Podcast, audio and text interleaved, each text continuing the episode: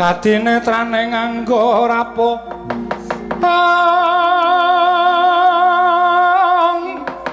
kanikara sageter kinidungane ingkung.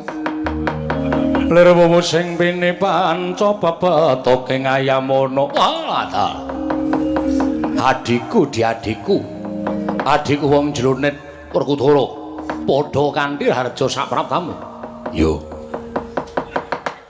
baladewa kakangku slamet tekaku aku? Ngaturake basa aku katura yo tak tampa gawe gedene atine pun kakang. Wigatine apa? Janur gunung kadingaren.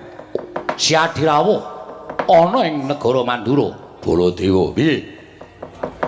Mbara aku tak takon karo kowe gage wangsul ana pitakonku nganti pertitis. Yo, Siadi arep matur apa? Baladewa kakangku nganggep Semar saanake kuwi wujude apa? Pana kawaning para Pandhawa.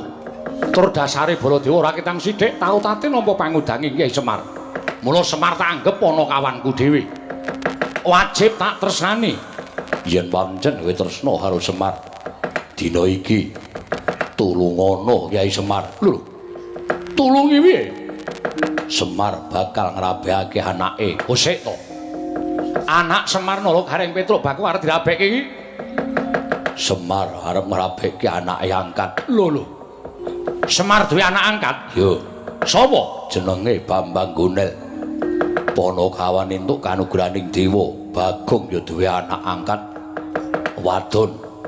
monggo anake Semar Bambang Gunel mau seneng karo anake Bagong wekasan dadi dedah antaraning wong tuwa karo anak Bagong dadi wong kongas Bagong dadi wong umuk dadi wong sombong anake entuk diwengku sapa wae waton bisa ngaturake pepanggil rerubo telu cacahe pepanggil rerubo telu cacahe siji senjata cakra kagungane Kresna kakangku wis diparingke ngambil dening marang Semar. Loro pustaka Jamus Klimasada kowe wis diparingke ngambil marang Semar saka barep kakangku. Katelune apa? Kyai Nenggala. Lho. Nenggala. Nenggala. Walna saka epek-epekmu. Disuwun ngambil dening Semar bakal dadi srana dhawuhe anake lanang entuk apa ora? Walata.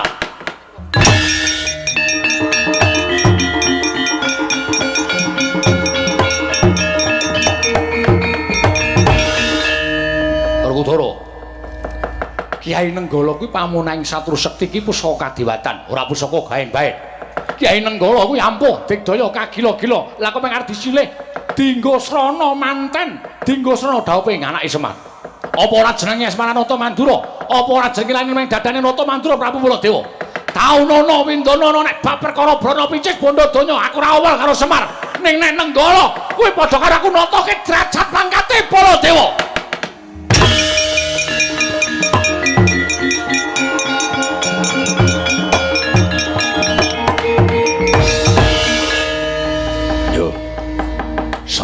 Sakarepmu nggonmu paring pangandikan. Aku wis aguh dadi pengawaking Semar Putranaya monggo Werkudara wis aguh sing jeneng Werkudara yen iya ya iya yen ora ya ora. Monggo iki wis tak saguhi yen aku bali ora entuk gawe ora mboyong Kyai Nenggala. Wirang bebarang mula nadyan kudu mungsuh Baladewa. Taker marus milang tatu hak lakoni yen perlu piye carane jembar wani rupak ya wani padangane wani petengane apa meneh?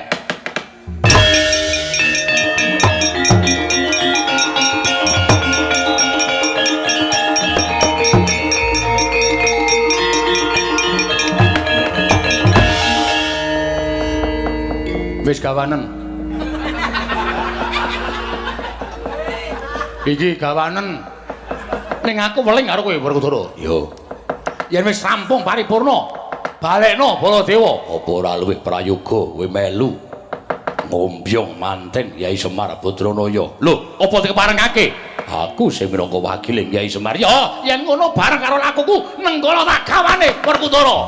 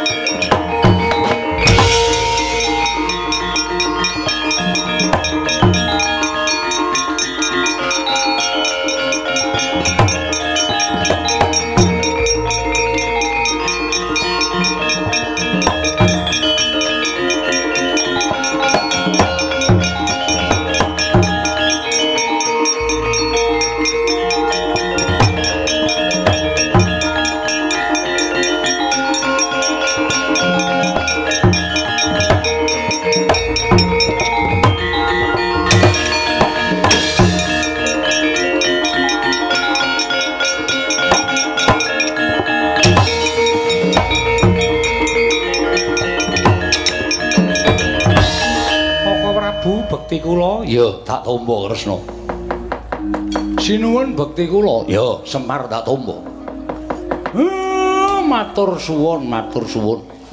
Sampeyan ikhlas maringaken ngampil Kyai Nenggala. Ya merga saka ucape Werkudara sing sajake ndrawasi katentrem negara ing Mandura. Ing nganti ora tak suwun utawa tak paringke ngampil tan wurunga Werkudara ngamuk ana negara Mandura. Mongko wis cetha ucape rupak wani jembar wani. Petengane wani padangane apa meneh? Wong sing wis wani ngucap kaya ngono kuwi jenenge wis nekat nek nekat iki mengko tak tandingi tan wurunga aku marah kewirangan.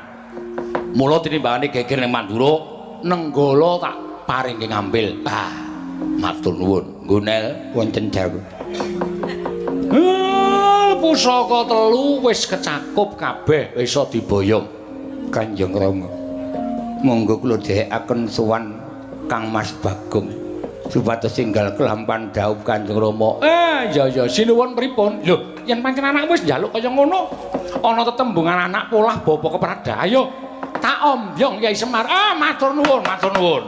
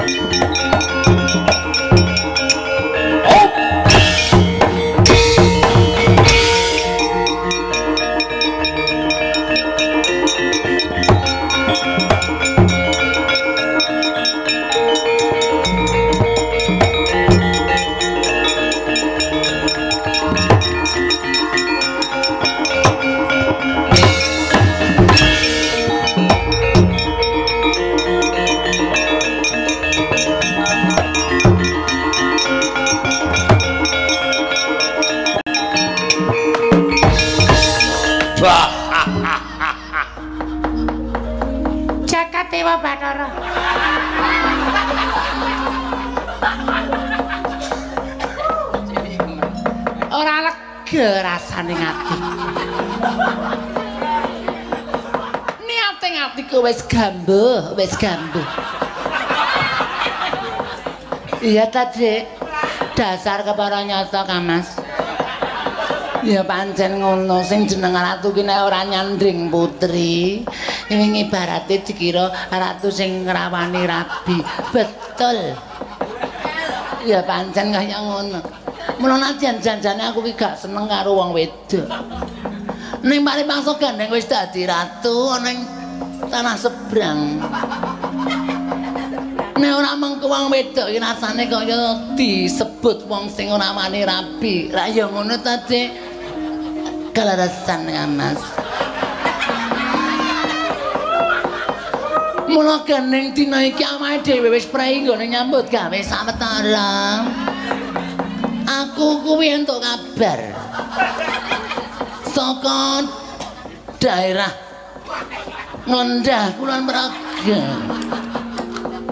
Kabar apa, Mas? Ana putri sing dadi awating atine wong pirang-pirang. ora janjane kowe nek di bojo arep ngapake to. Ya paling ming tak olah alik. Wong aku ya ora ndek hasrat. Ana wong wedok ning tinggal status. Status iya dasar para nyata. Kanggo status supaya wong percaya aku ki priya sejati. jarene anake Bagong menengan Bagong kuwi cantik. Cantik jelita nganti akeh para raja-raja nerpati sing padha kepengin gandreng karo anu sapa kuwi anake Bagong. Lah terus niate Kakang Ya wing ngetutke aku, melu aku sementara rasa tetek sik. Wong dasare dina-dina iki ya sepi. Tak kandhani to aku wingi iki dibayar dit palsu. Tak takoni lha iki kok dite palsu, kono muni aku wedok palsu kok. Bajiger. Nek ora diweneni anake Bagong ora wera-wera rantas. Malang-malang tak putung. Tabioi alat kontrasepsi.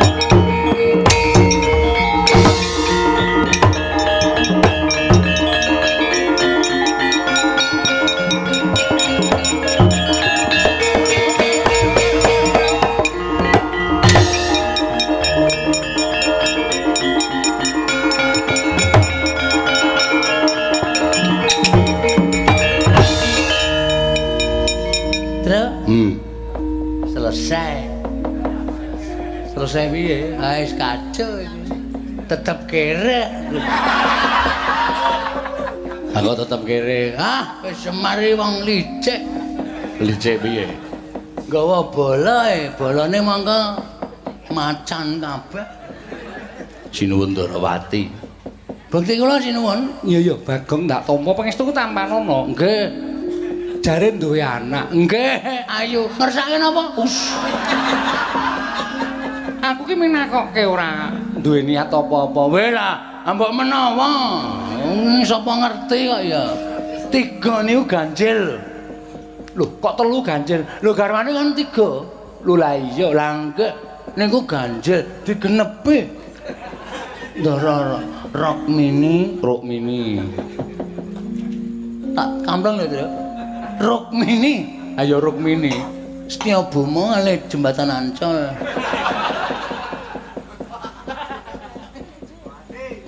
Aja tok tanduki, ndak Bagong iki tanduki senengane terus sak penake dhewe. Weh lah, sinuwun Baladewa. Iya, Wilujeng. iya.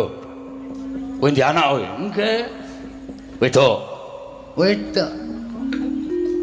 Apa pripun? Ora. Dora gelem ya, piyai-piyai dora gelem ya. Dora mereka dora, dora di anak wedok. Beng. Kae meneh, dora mereka dora ki wong iki ra tau piye-piye. Dora mereka dora ki wong, dora Bratasena ki wonge tewajuh. Ra tau menggok ngiwa, menggok nengen. Lurus. Apa sing ditindakake ki ora tau mengeng saka anggrang-anggreng kautaman. Nggih, Den nggih. Yo. Nawani kok Ndara Bratasena.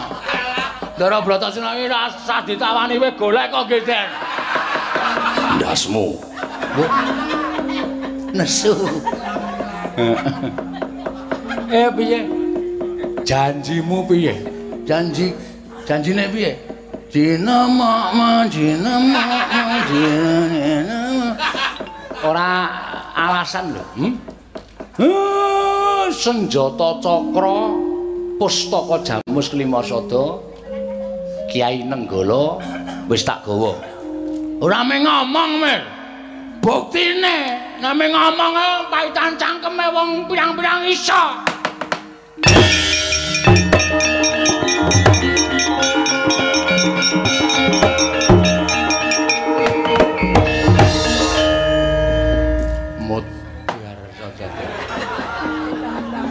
Yo, sambato. Yo arep piye kowe? Tetep kere terus aku. Eh, ora urung tak keke semar wis. Wis, ndek mantu gonel aku. Iki anake diceluk ana. Sapa to anakku mau sore mau jenenge terus? Ora kaya kowe. Oh iya kasilah e. Sil. Malah nyanyi. Kok senengane nyumbang lagu. Wis glenggeng anggere muni gubuk asmara wis. Uh, ayo kana. Wonten menapa Rama? Bar dipek mantu Semar. Hei, lah kok wah. Anake Bagong kok ayune kaya ngono. Bapakne kaya tolo. Iki sing dijaluk bapakmu. Jarene penjalukmu. Bapak senengane bola-bali ngapusi. Wong aku ora njaluk apa-apa.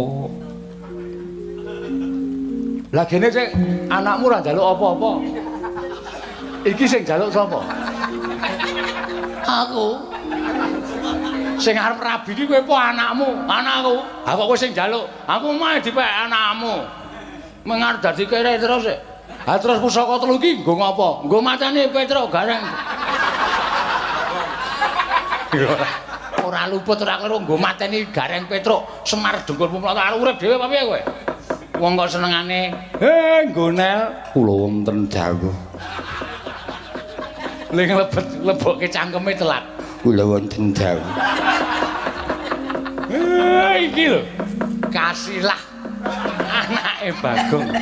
Wis neng kene cocok ora? Inggih menika ingkang kula kesaken. Kese kese kese kese aja kesusu kuwi pusaka dibalekke sik. Iki aduh. Semari ngawur ndodo kok digulingke. Niki ra isinen, nggon aku.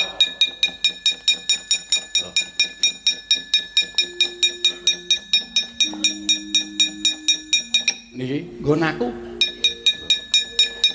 Iki sing ngaguan tak gawane. Ora aku sembrono lho. Ora. Niki pusaka ampuh. Iya, ngerti. Borene. Eh, ulur semelang sampean nganggo sembrono. Weh pusaka ra kek kiri ku ilang dayane. Nah, keke gelung keling. Ngoten. Gelung keling ngawur anu Minangkara. Alas Minangkara. Minangkara. Alas Tarwiya.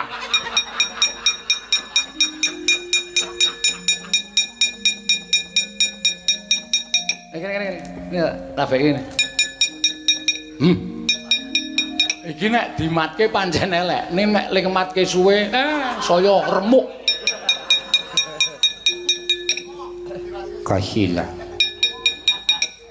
Kula wonten dawuh. Mbok menawa wis pinesti jagat ya isi. Kowe karo aku tetep manunggal. Tetunggalan. tekan kaken-kaken ninen-ninen lan bisa netepi tembung sakinah mawaddah warah. Ayo lumayan lu kok duwe mantu kaya ngono. Nek turu arep tak ndlepke kok.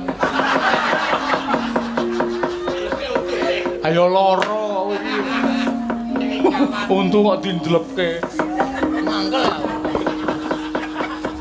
Tukul kok mujur. Ya wis ben ora. Eh, syukur wis kabeh wis paripurna seneng aku rasane.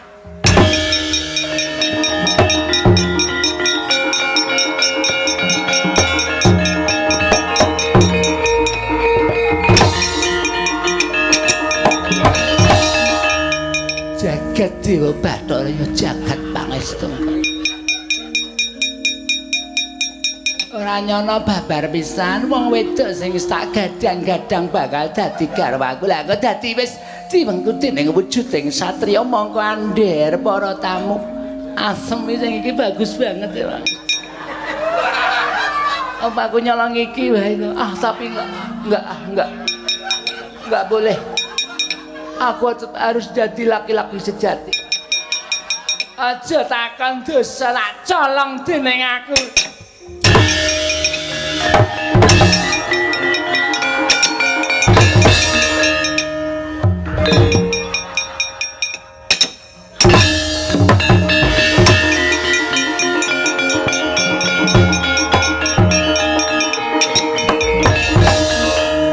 Maling kok kleru. Anju kok mas-masan kok sih dusung lemari Maling gak ada. ha iya Cenanangan ora. Lah piye maling wedok anu kok temanten wadon kok ilang? lah iya ana maling kok nyolong temanten wadon lah kok silang nang begegek kuwi tanggung jawab endi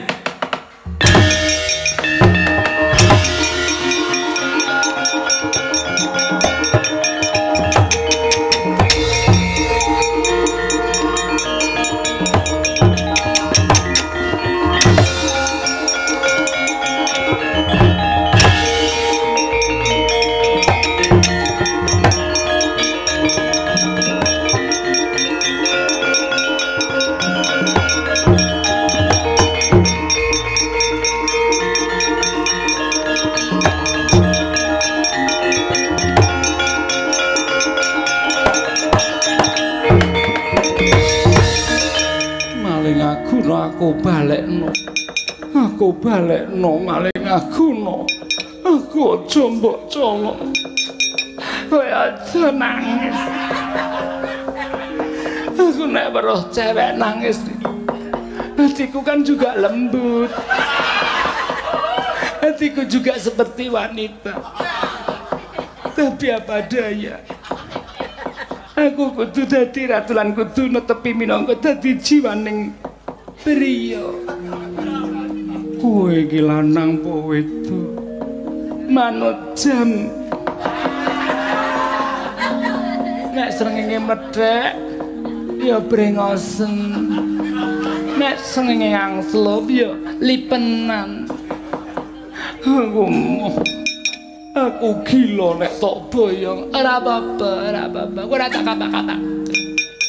Kowe paling minta glundungke mrono tak glundungke mrene. Ora tak kapak-kapak aja sumlang iblis lanang. Karo gede.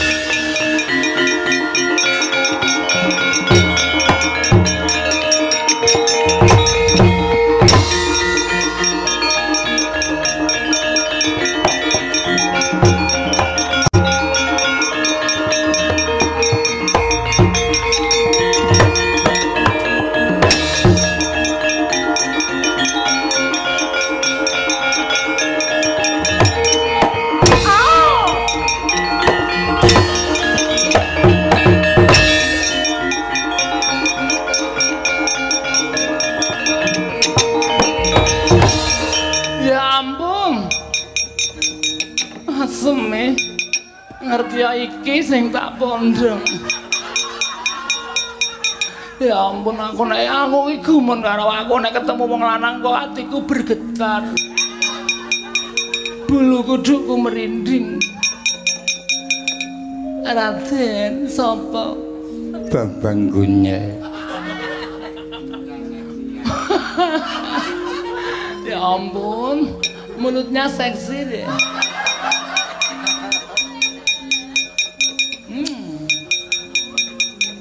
kowe sapa Prabu Rene Widyastuti. wong lanang kok jenenge wedok Sageleme wis arep bubar gak tak cerepet. Boleh jeneng sananane ora meneke bojomu nglakon dosa nglakon dosa tak krembat sirahmu.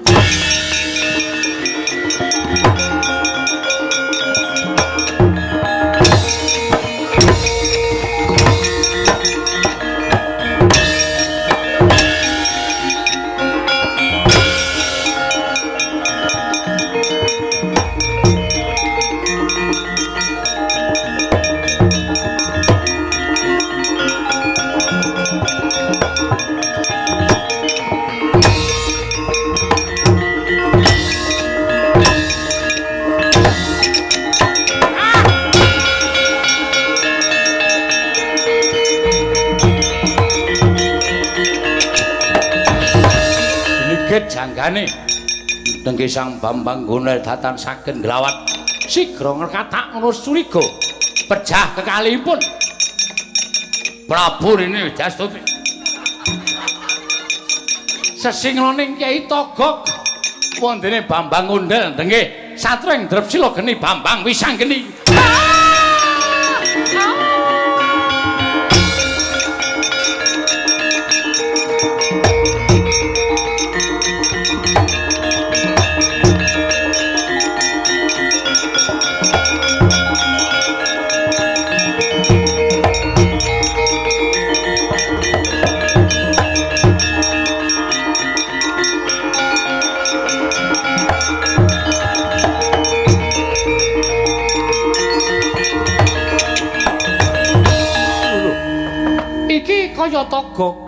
nggih raden.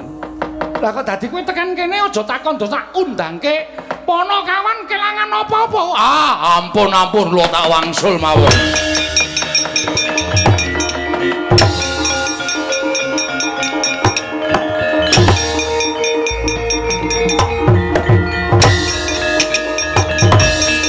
Ya ampun.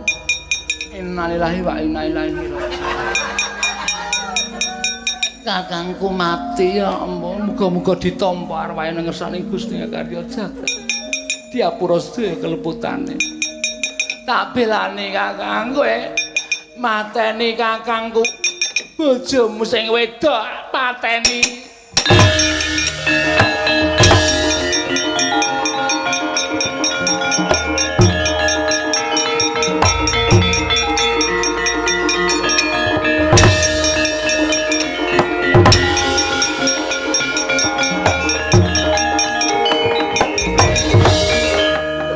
pejah samya kekali kadanging sang Prabu Widyastuti tang wujute nenggih lurah Bilung Sarawita. Dewi Endang Kasilah. Nglingkap krudunge. Nenggih sang Dewi kencana resmi garwaning sang Wisanggeni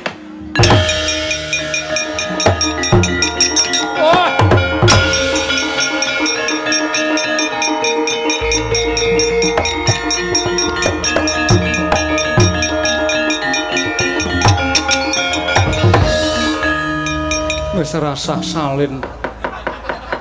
Kesuwen ling goleke wayang uwak-uwek baliya ning nggonmu. Nggih kula tak wangsul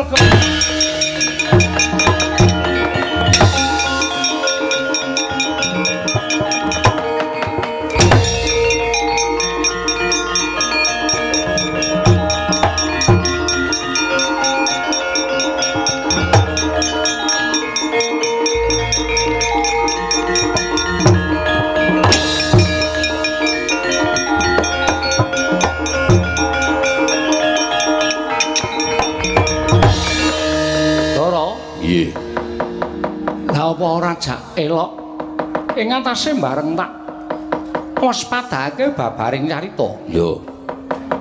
Wisanggeni kok ya aeng-aeng wae to ya. Dadak wujud Bambang Gunel mongko bareng karo bojone kencana resmi. Anake Dewa Kartika. Iya. Wujud wong wadon dadi anake Bagong. Wah, ya wis ben. Kabeh duwe lakon dhewe-dhewe. Lah terus iki intine apa? Ora ana wahyu sing mudhun barang. Ya wis ben. Ora mudhun ya ora apa-apa. Ya muga-muga mudhuna wahyu kerukunan lan katentreman sumandinga marang dulur-dulure awake dhewe kabeh sing lagi ambal warsa limang taun iki. Iya, Werkudara.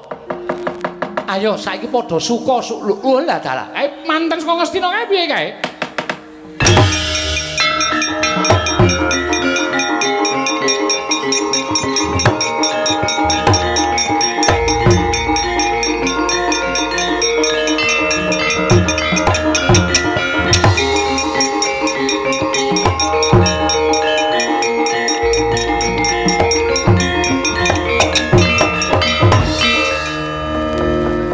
Durna badhe menapa? Oh, mboten menapa-menapa kok, Ngen. Kesmana sampun kula dawuh pados wangsul. Sampun kula lintoni bakul mie ayam nika wau. Nggih purun. Ah, menawa menika wong celutah kaya. Purun mawon, purun mawon. Waton ingkang bleguk. Menawa menika remen. Oh, ngaten nggih. Bapa Durna minangka dados wakiling para Sata Kurawa, kula minangka dados wakiling para Pandhawa. Dipun menapak-menapakaken menika wancinipun sami rukun, sami tetunggalan, sami manunggal. Cipta rasa karsa lan karsanipun lahir batos sampun ngantos wonten raos regejegan. Sampun wonten raos diya dina ing setunggal-setunggalipun monggo sami ngucupaken kunjuk ngersaning Gusti muga-muga tansah lancar samkawisipun lan pinaringan ganjar wilujeng niring sambikala saras samudayanipun amin ger amin